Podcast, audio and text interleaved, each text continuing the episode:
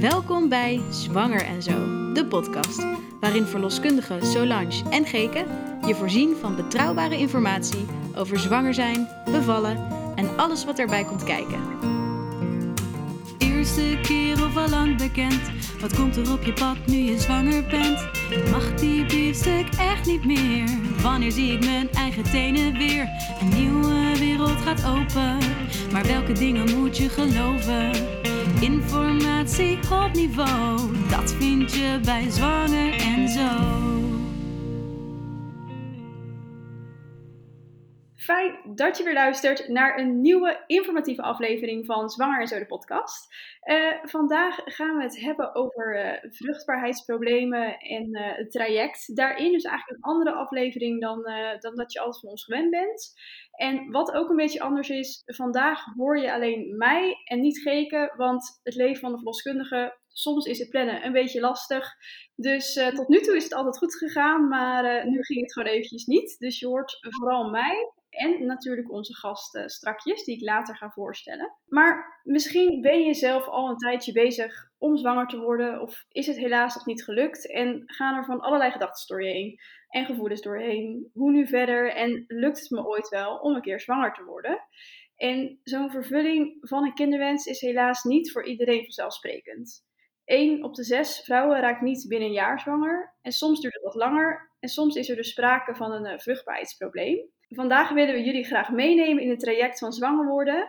En in deze aflevering gaan we het eigenlijk heel erg hebben over het medisch traject. En de volgende aflevering zullen we het vooral hebben ehm, over ja, wat komt er nog meer bij kijken, hoe kun je je voelen, wat kun je allemaal ervaren in zo'n traject. Um, vandaag dus vooral praktische informatie. En die praktische informatie, die deden we natuurlijk niet alleen. Dat doen we vandaag met Dino Tonk, uh, fertiliteitsarts uit het eh, AMC. Welkom Dino, fijn dat je er bent. Uh, kun je je kort aan de luisteraars voorstellen? Uh, zoals je zei, mijn naam is Nino Tonk. Um, ik werk in het Amsterdam UMC, heel tegenwoordig op locatie uh, Mijnberg-Dreef, het AMC. Mm -hmm. We zitten in een, in een fusietraject met uh, de collega's van het VU Medisch Centrum. Um, ik werk al een jaar of twintig als fertiliteitsarts um, op locatie AMC. Okay. Met veel plezier. Fijn, heel veel ervaring dus. Uh, en die ervaring die uh, mag je hier allemaal in de podcast uh, gooien strakjes. Maar voordat we verder gaan, gaan we eerst even door naar het vragenvuur. In één minuut de antwoorden op de belangrijkste vragen van het onderwerp van vandaag. Dit is het vragenvuur. Hoeveel kans heb ik om binnen een jaar zwanger te worden? 85 procent. En wat doet precies de huisarts?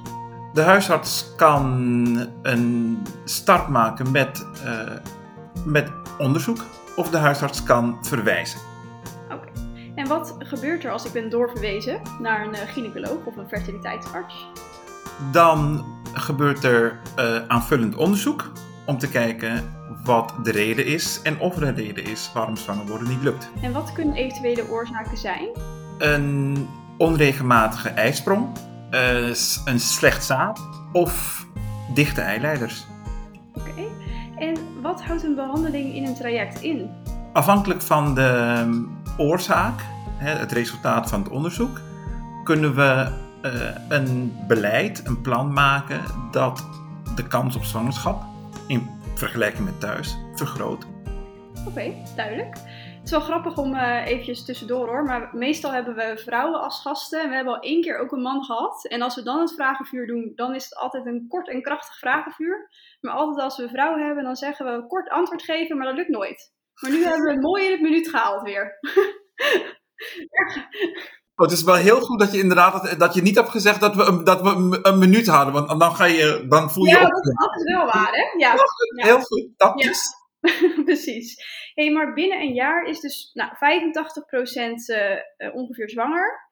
En soms kan het zijn dat de natuur gewoon wat langer nodig heeft. En soms is het zo dat er toch een oorzaak of problemen achter zitten. En um, nou, je zei al net van, nou, de huisarts en de gynaecoloog hebben allebei een, ander, andere functie. Kun je eens de mensen meenemen van, hè, stel mensen zijn nu bezig met een actieve kinderwens en het lukt niet. Wat is dan hun eerste stap? In Nederland hebben we het zo geregeld dat je eerst naar de huisarts gaat. Ehm, in Nederland werken we ook met richtlijnen.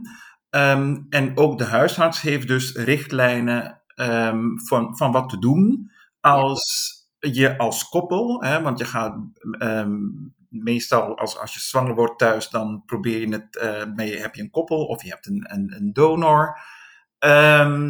en afhankelijk van de, de, het verhaal dat je vertelt bij de huisarts, kan de huisarts dus of zelf besluiten om uh, onderzoek in te zetten, neem spermaonderzoek bijvoorbeeld, uh, of de huisarts besluit om direct te verwijzen naar een ziekenhuis waar de, uh, het onderzoek kan worden opgestart. Ja, en wat zijn dingen wat de huisarts kan doen? De huisarts kan, dat is, dat is vastgelegd in, een, in, een, in een, een richtlijn, maar de huisarts zou zaadonderzoek kunnen doen. De huisarts kan bloedonderzoek doen bij de vrouw om te kijken of er een verdenking is op eileiderproblemen, hè, dichte eileiders. Als een mhm. vrouw bijvoorbeeld chlamydia heeft gehad in de voorgeschiedenis, in het verleden, of uh, geopereerd is in de buik. Dat zijn eigenlijk de risicofactoren om eileiderproblemen te hebben. Um, dat kan de huisarts doen en afhankelijk van de uitslag, um, dus of bepalen dat, uh, dat er nog wordt afgewacht een tijdje, of verwezen wordt naar een ziekenhuis om aanvullend onderzoek te doen. Ja, en ik las ook dat ze dan echt met percentages werken, toch? Klopt dat? Dat ze op basis van richtlijnen en zo, dat ze kijken zoveel percentage, heb je nog kans om spontaan zwanger te worden? Dat klopt. En ongeveer de helft van de, van de vrouwen en mannen die bij ons komen, of in een ziekenhuis komen, krijgt de diagnose unexplained infertility. En dat betekent niks anders dat de onderzoeksresultaten van zaadonderzoek, eileideronderzoek, um, ovulatie, uh, detectie, kijken of mhm. iemand overleert, dat alle onderzoeken normaal zijn. Ja, ja. En dan is, krijgt het koppel of de man en de vrouw dan te horen, um, we weten het eigenlijk niet. Een onbegrepen fertiliteitsstoornis. En daar hebben we in Nederland jaren geleden een, een goed model, een goed prognostisch model ontwikkeld. En dus een, een model dat de kans op zwangerschap uh, voorspelt binnen 12 maanden. Um, en voor in dat rekenmodel is van belang hoe oud is de vrouw, of leert ze, zijn de eileiders open, um, wat is het percentage bewegelijke zaadcellen, is ze eerder zwanger geweest. En dat rekenmodel komt dan tot een, een percentage. Um, en we hebben in Nederland met elkaar afgesproken dat uh, als het percentage boven de 30% ligt, is uit onderzoek ook gebleken dat het uh, beginnen van een fertiliteitsbevorderende behandeling, iets als een intrauterine inseminatie, de kans op zwangerschap thuis niet groter maakt. En zo hebben we de gezondheidszorg in Nederland uh, ingericht. Als je de kans op zwangerschap niet vergroot met de behandeling, dan moet je geen behandeling aanbieden. Dus inderdaad, er is een, een, een, een prognostisch model, een rekenmodel, dat de kans op een spontane zwangerschap thuis berekent. En dat het model goed werkt, dat hebben wij in Nederland um, hebben een enorme inspanning gedaan om te onderzoeken of het model goed werkt. En het model dat voorspelt goed. Ja, ja, en je noemt natuurlijk verschillende oorzaken eigenlijk al een beetje, waar zowel een huisarts, maar ook jullie denk ik als fertiliteitsartsen dan onderzoek naar doen. En wat zijn dan een beetje de meest voorkomende oorzaken van vruchtbaarheidsproblemen? Um, zoals ik net zei, krijgt ongeveer de helft van de, de stellen die bij ons komen, krijgt de diagnose onbegrepen fertiliteitsstoornis. Dat betekent dat, er, dat we niks kunnen vinden. Dat betekent niet dat er niks aan de hand is. Ik zeg alleen dat, we zeggen alleen dat de onderzoeksresultaten, alles wat we kunnen onderzoeken, um, er normaal, een normaal resultaat oplevert. Een ander deel um, krijgt te horen eileiders, één of twee eileiders dicht een spermaprobleem. En dat kan variëren van heel weinig zaadcellen tot, tot nul zaadcellen. Of een ovulatieprobleem. Of, en, maar dat uit zich over het algemeen in een onregelmatige menstruatiecyclus.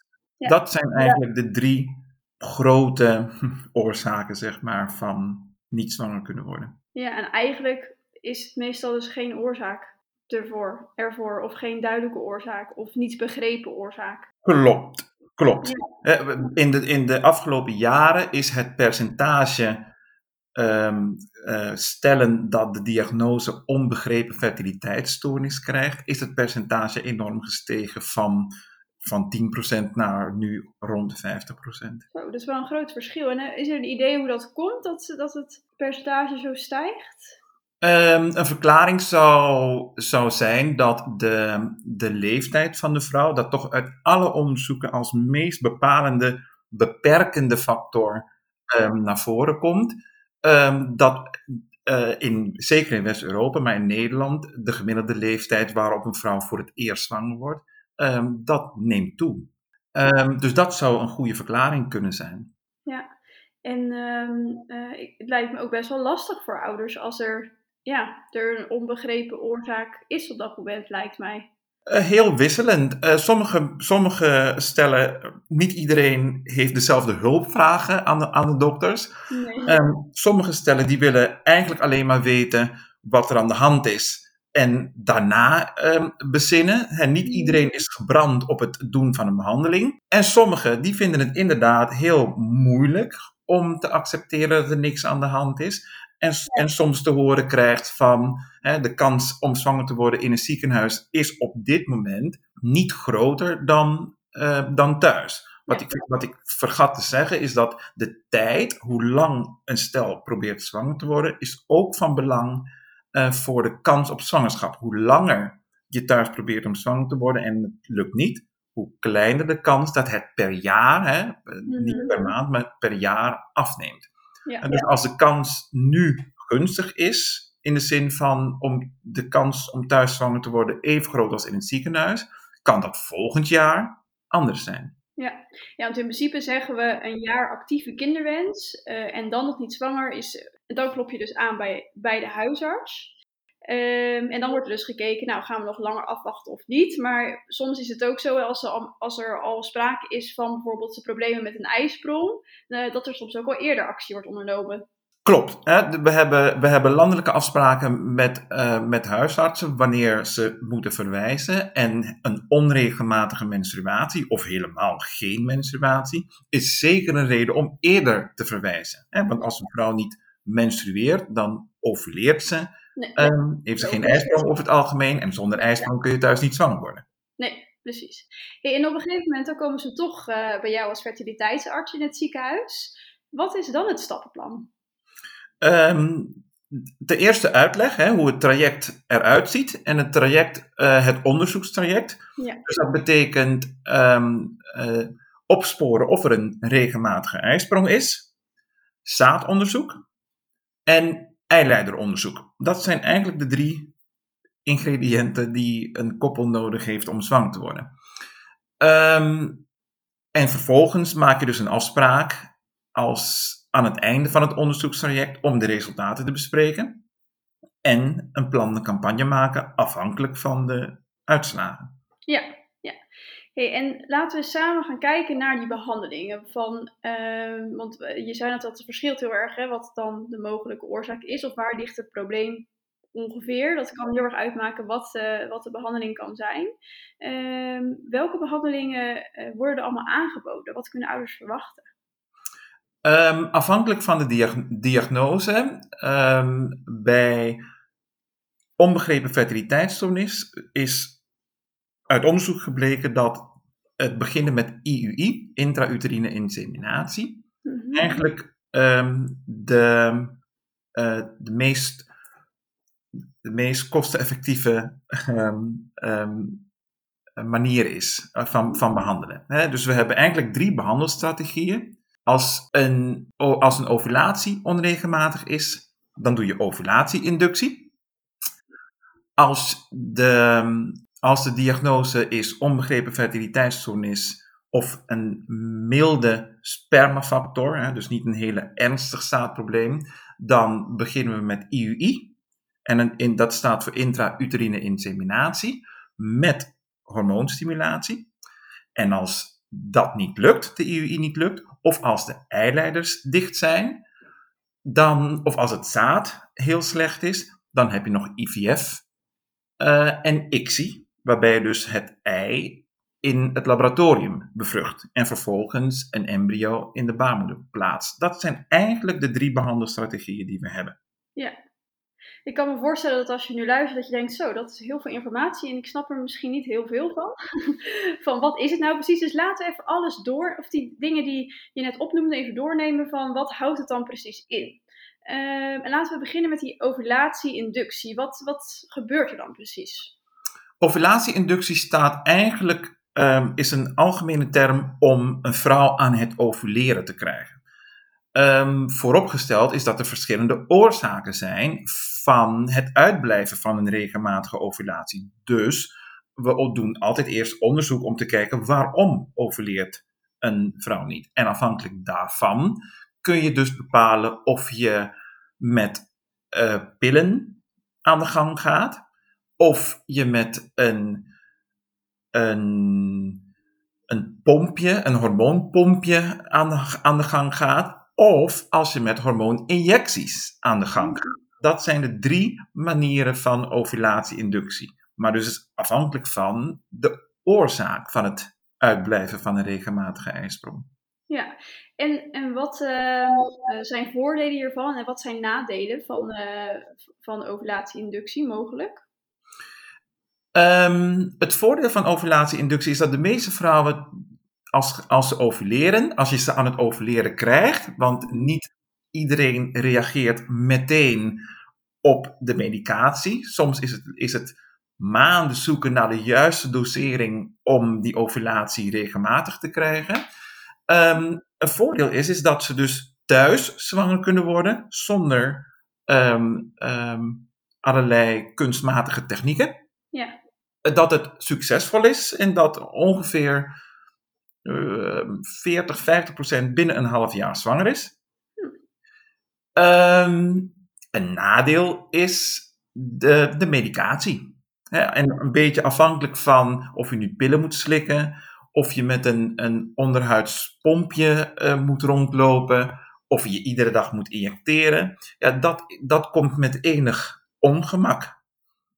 De meeste vrouwen hebben niet heel veel bijwerkingen, maar sommige medicijnen, met name de pillen, die kunnen bijwerkingen hebben als, als, als vermoeidheid en hoofdpijn, ja.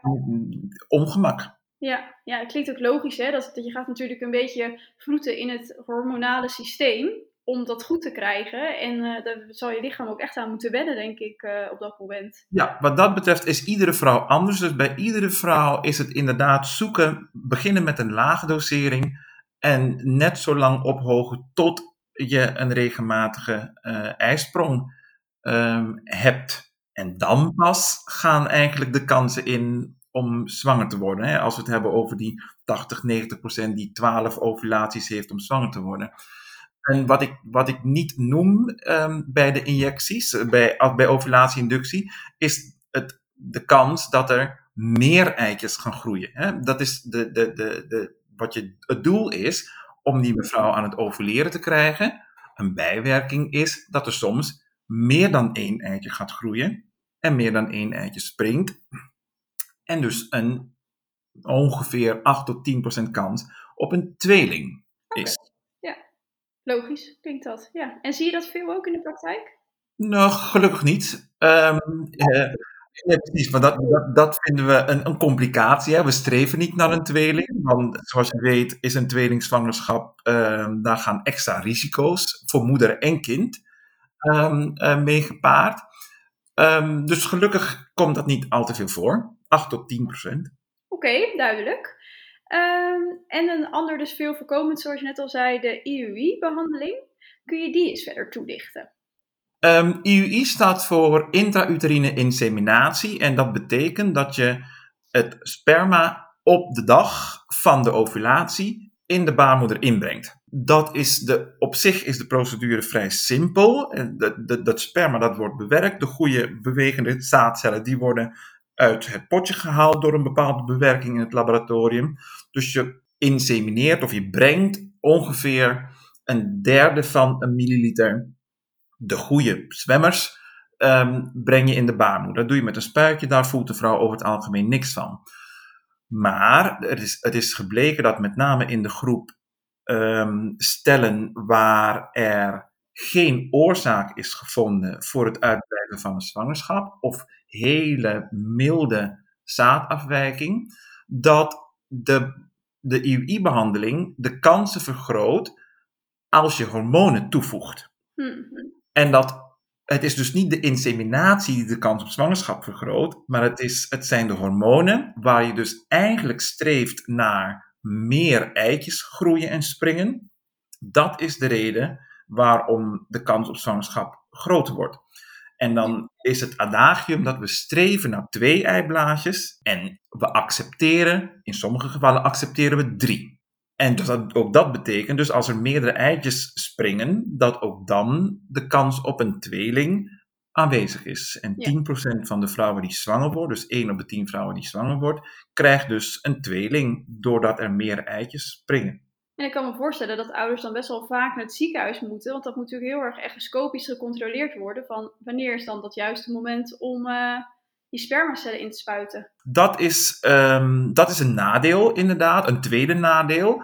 Um, van de hormonen, dat je dus echo's moet maken om te kijken hoeveel eitjes groeien. En zoals ik zei, je streeft naar twee, je accepteert soms drie, maar meer dan drie hebben we in Nederland met elkaar afgesproken. Dat dan cancelen we de behandeling. Hè? Maar wordt de kans op een tweeling of drieling wordt dan te groot. Um, maar dat betekent dus inderdaad regelmatig ziekenhuisbezoek voor een echo. Mhm. En met die echo kijk, zie je ook hoe groot de eiblaadjes zijn. En inmiddels weten we door um, heel lang onderzoek en ervaring, weten we hoe groot zo'n eiblaadje moet zijn en wanneer je dan de, de inseminatie moet afspreken. En dan, dus die mevrouw begint altijd bij de menstruatie met hormonen slikken of prikken. Mhm. Ehm, en dan begint ze een beetje, uh, zeg maar, op cyclusdag, en geteld vanaf de eerste dag van de menstruatie, dag 8, 9 of 10, uh, eh, voor een echo. En dan twee dagen later weer voor een echo. Soms twee dagen later nog een keer voor een echo.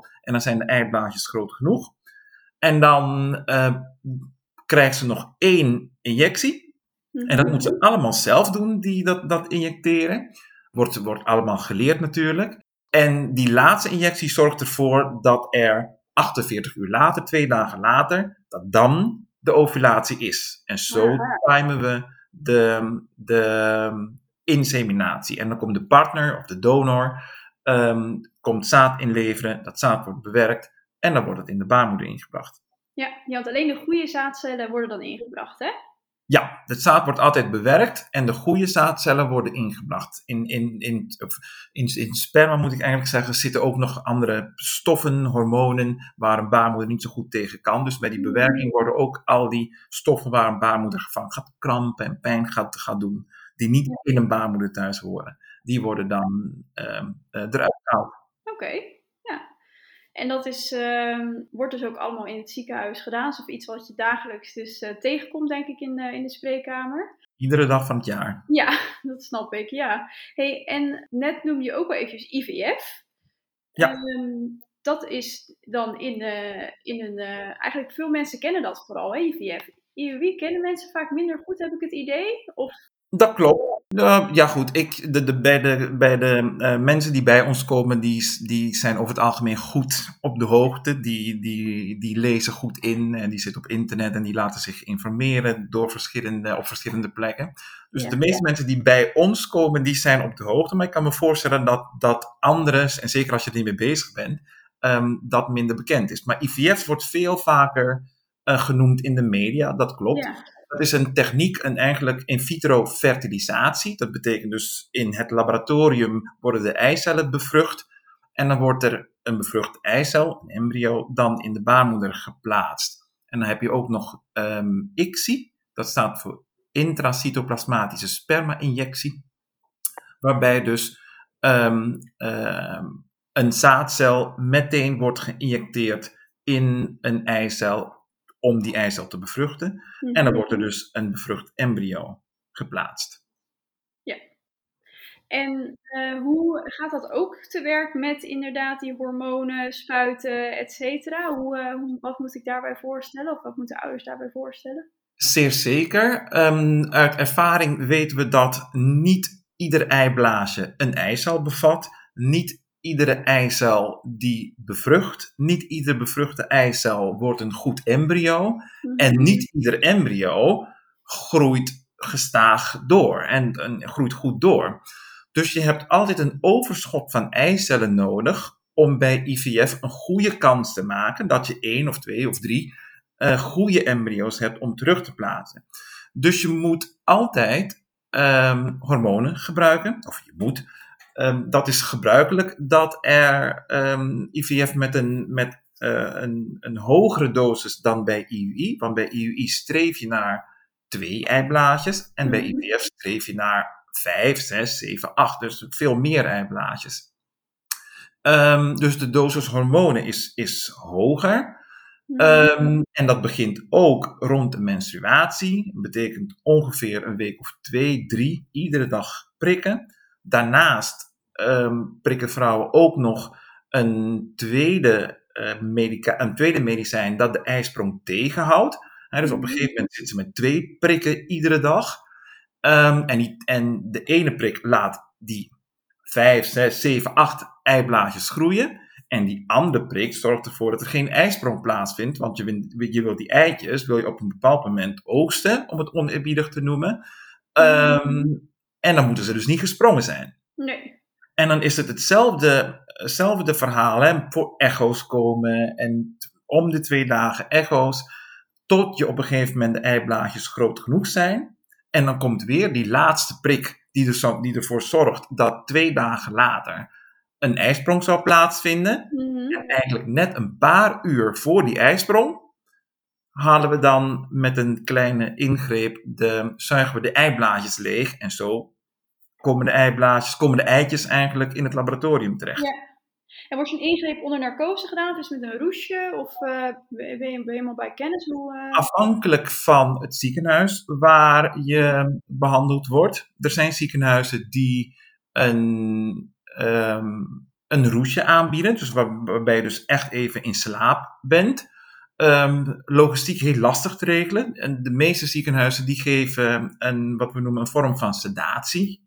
Uh, waarbij je dus een soort uh, goed groggy, een beetje slaperig bent, maar niet helemaal in slaap. Nee, oké. Okay. Maar wel dus, wel dus verdoofd. Ja, en dan worden die eiblaasjes gewonnen, ja, ik weet niet, hoe noem je dat? Uh, Leeggezogen. En wat, en wat zijn dan de vervolgstappen? Um, een eiblaadje is eigenlijk een klein ballonnetje met vocht waarin een, een ei dobbert. Dus met een, met een echoapparaat prikken we stuk voor stuk al die eiblaadjes, zuigen we leeg. -hmm. Dat vocht dat vangen we op en dat gaat meteen naar het laboratorium.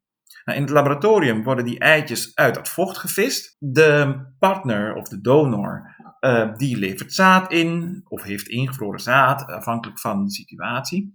En de, um, dezelfde middag wordt, dus, wordt het zaad bij de eitjes gedaan. Um, en in, in geval van IVF, dan wordt op iedere eicel wordt er een, een druppel zaad, een zaadcellen eigenlijk, um, uh, gedaan. Geïnsemineerd noemen, noemen we dat. Mm -hmm. En bij ICSI is het zo dat er dus één zaadcel wordt gepakt en meteen geïnjecteerd in de eicel. Er is een relatie tussen het aantal zaadcellen en de kans op bevruchting. Hoe meer zaadcellen er zijn, hoe groter de kans op bevruchting. Het, de, het is dus zo dat als je moet, nou moet, het blijkt dat ongeveer 20.000 zaadcellen, 15 à 20.000 zaadcellen er nodig zijn om de kans op een bevruchting reëel te maken. Ja. Heeft die man dus minder, veel minder dan dat, dan heb je dus als je IVF doet, een druppel zaadcellen op een eicel, dan heb je minder kans dat die eicellen bevruchten. Dus dan adviseren we om ICSI te doen, waarbij dus één zaadcel wordt gepakt en meteen geïnjecteerd in die eicel. En dan wordt er vervolgens drie dagen, in, over het algemeen drie dagen gewacht. En iedere dag worden al die eicellen en embryo's bekeken, hoe de embryo's zich ontwikkelen.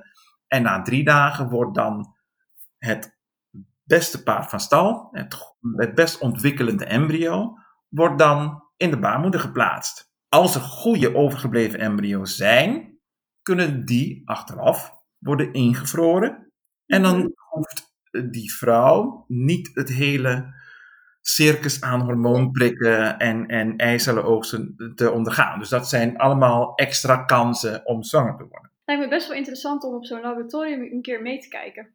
Hoe, is ook bijzonder. Ja, hoe dat eruit ziet. En dat is toch ja, bizar dat dat kan. En heel mooi dat dat kan. Want uh, heel veel, het helpt heel veel stellen met, uh, met een zwangerschap natuurlijk. Ja, het is, een, het is bijzonder. Ja. Hey, en wat zijn um, voor de rest voordelen, nadelen misschien van het IV, IVF en ICSI? Ten eerste de hormonen. Uh, daar hebben veel vrouwen last van, hoofdpijn, moe. Um, een opgeblazen gevoel. Hè, van die eierstokken die worden letterlijk uh, opgeblazen. Die, mm Allemaal eitjes die in die eierstokken zitten, die, die gaan groeien. Dus een opgeblazen gevoel. In het ergste geval um, uh, ontstaat, er een, ontstaat er een overstimulatiesyndroom, zo noemen we dat. Uh, waarbij dus eigenlijk te veel eitjes, eiblaasjes groeien. En dat kan buikpijn, misselijkheid, vocht vasthouden, um, gewichtstoename. Um, daar wordt de vrouw echt heel ziek van. Uh, soms zo ziek dat ze opgenomen moeten worden. Dus overstimulatie ligt op de loer.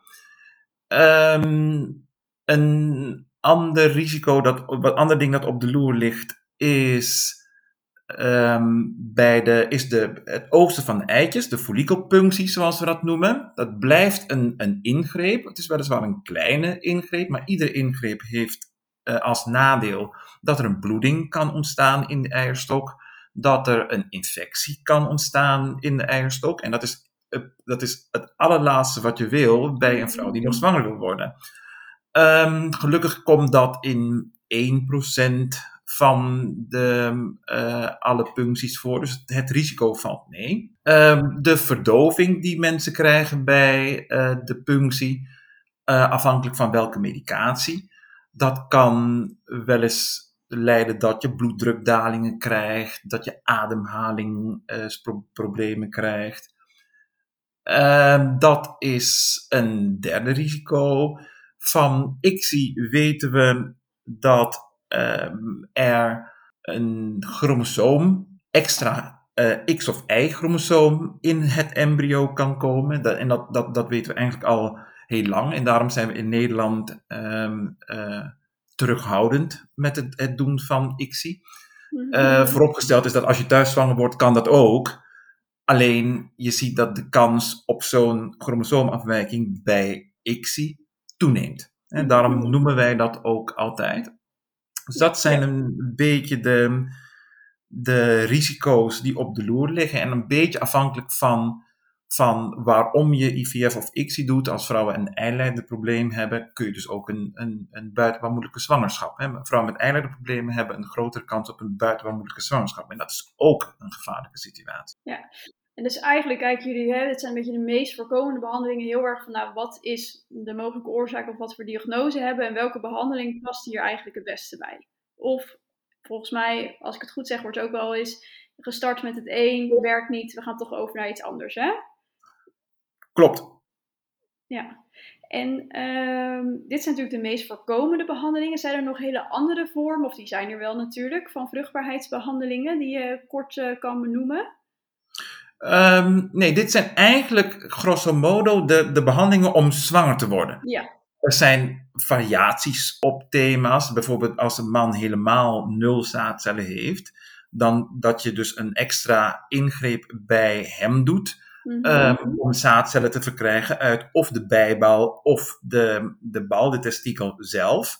Maar dan vind je eigenlijk nooit miljoenen zaadcellen. Dus het zijn altijd net genoeg zaadcellen om dan een ICSI-behandeling mee te doen. En daar zijn er ook vrouwen die bijvoorbeeld geen, die vervroegd in de overgang komen. Mhm. Dan, en dan komen zij, eh, kunnen zij bijvoorbeeld, hebben zij geen eitjes meer, maar kunnen ze, hebben ze een eiceldonatrice. En die die eiceldonatrice ondergaat dan die hele hormoonbehandeling en de, en de het oosten van de eitjes. En dat heet dan eiceldonatie. Maar dat zijn eigenlijk een variatie op IVF. Precies.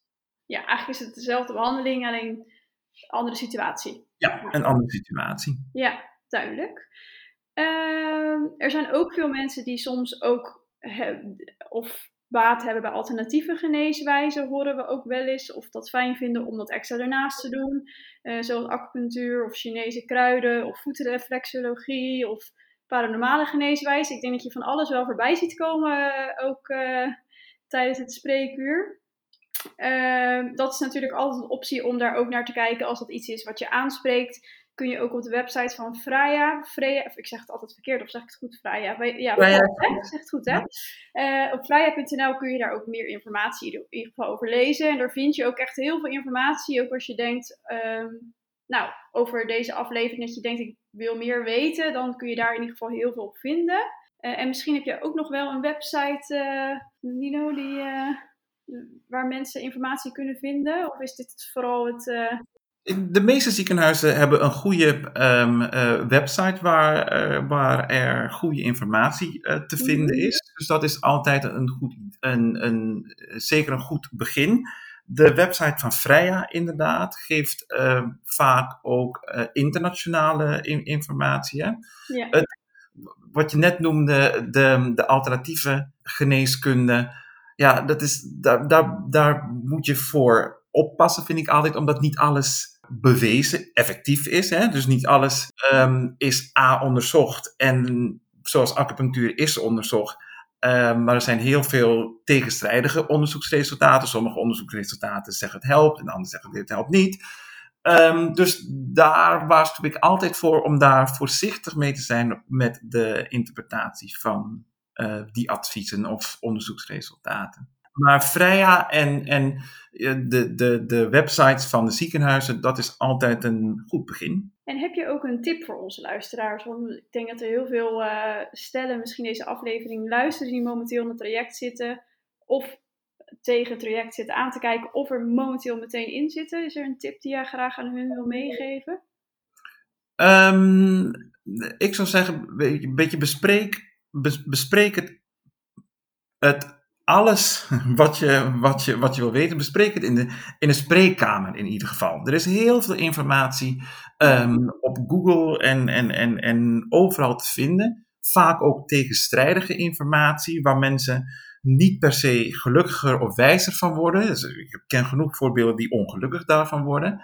Maar bespreek je ideeën in ieder geval in de, in de spreekkamer met een deskundige. En laat je makkelijker gezegd dan gedaan, niet gek maken door alles wat er uh, te vinden is op het internet. Want bij lange niet alles is onderzocht en bij lange niet alles is bewezen uh, beter. In de zin van hè, dat het ook de kans op zwangerschap groter maakt. Um, dus gaat met name het gesprek aan bij, um, bij, je, bij je arts of bij de huisarts. Ja, hele goede tip denk ik. Want internet kan je soms echt helemaal uh, gek maken. En het is veel belangrijker dat uh, de arts samen met jou kijkt of met jullie kijkt naar jullie persoonlijke situatie. En uh, welke adviezen daarbij horen. Dus nou, goede tip. Zeker. En ik, ik, ik, ik bedenk ook net dat er zelfs, er, zijn, er wordt geadverteerd.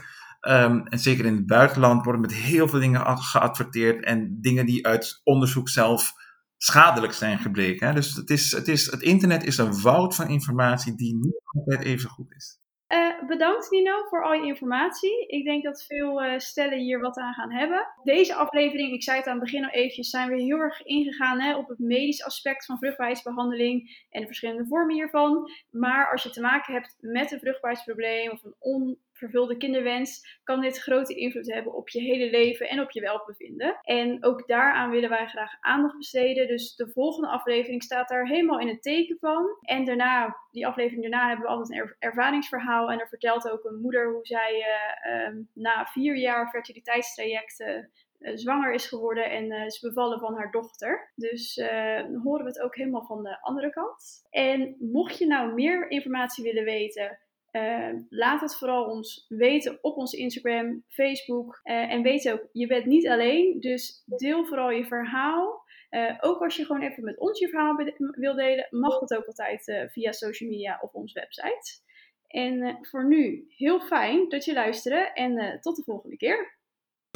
Dit was de podcast voor deze keer. Meer zwanger en zo? Je kunt ons volgen op Instagram, Facebook of onze website zwanger Tot de volgende keer!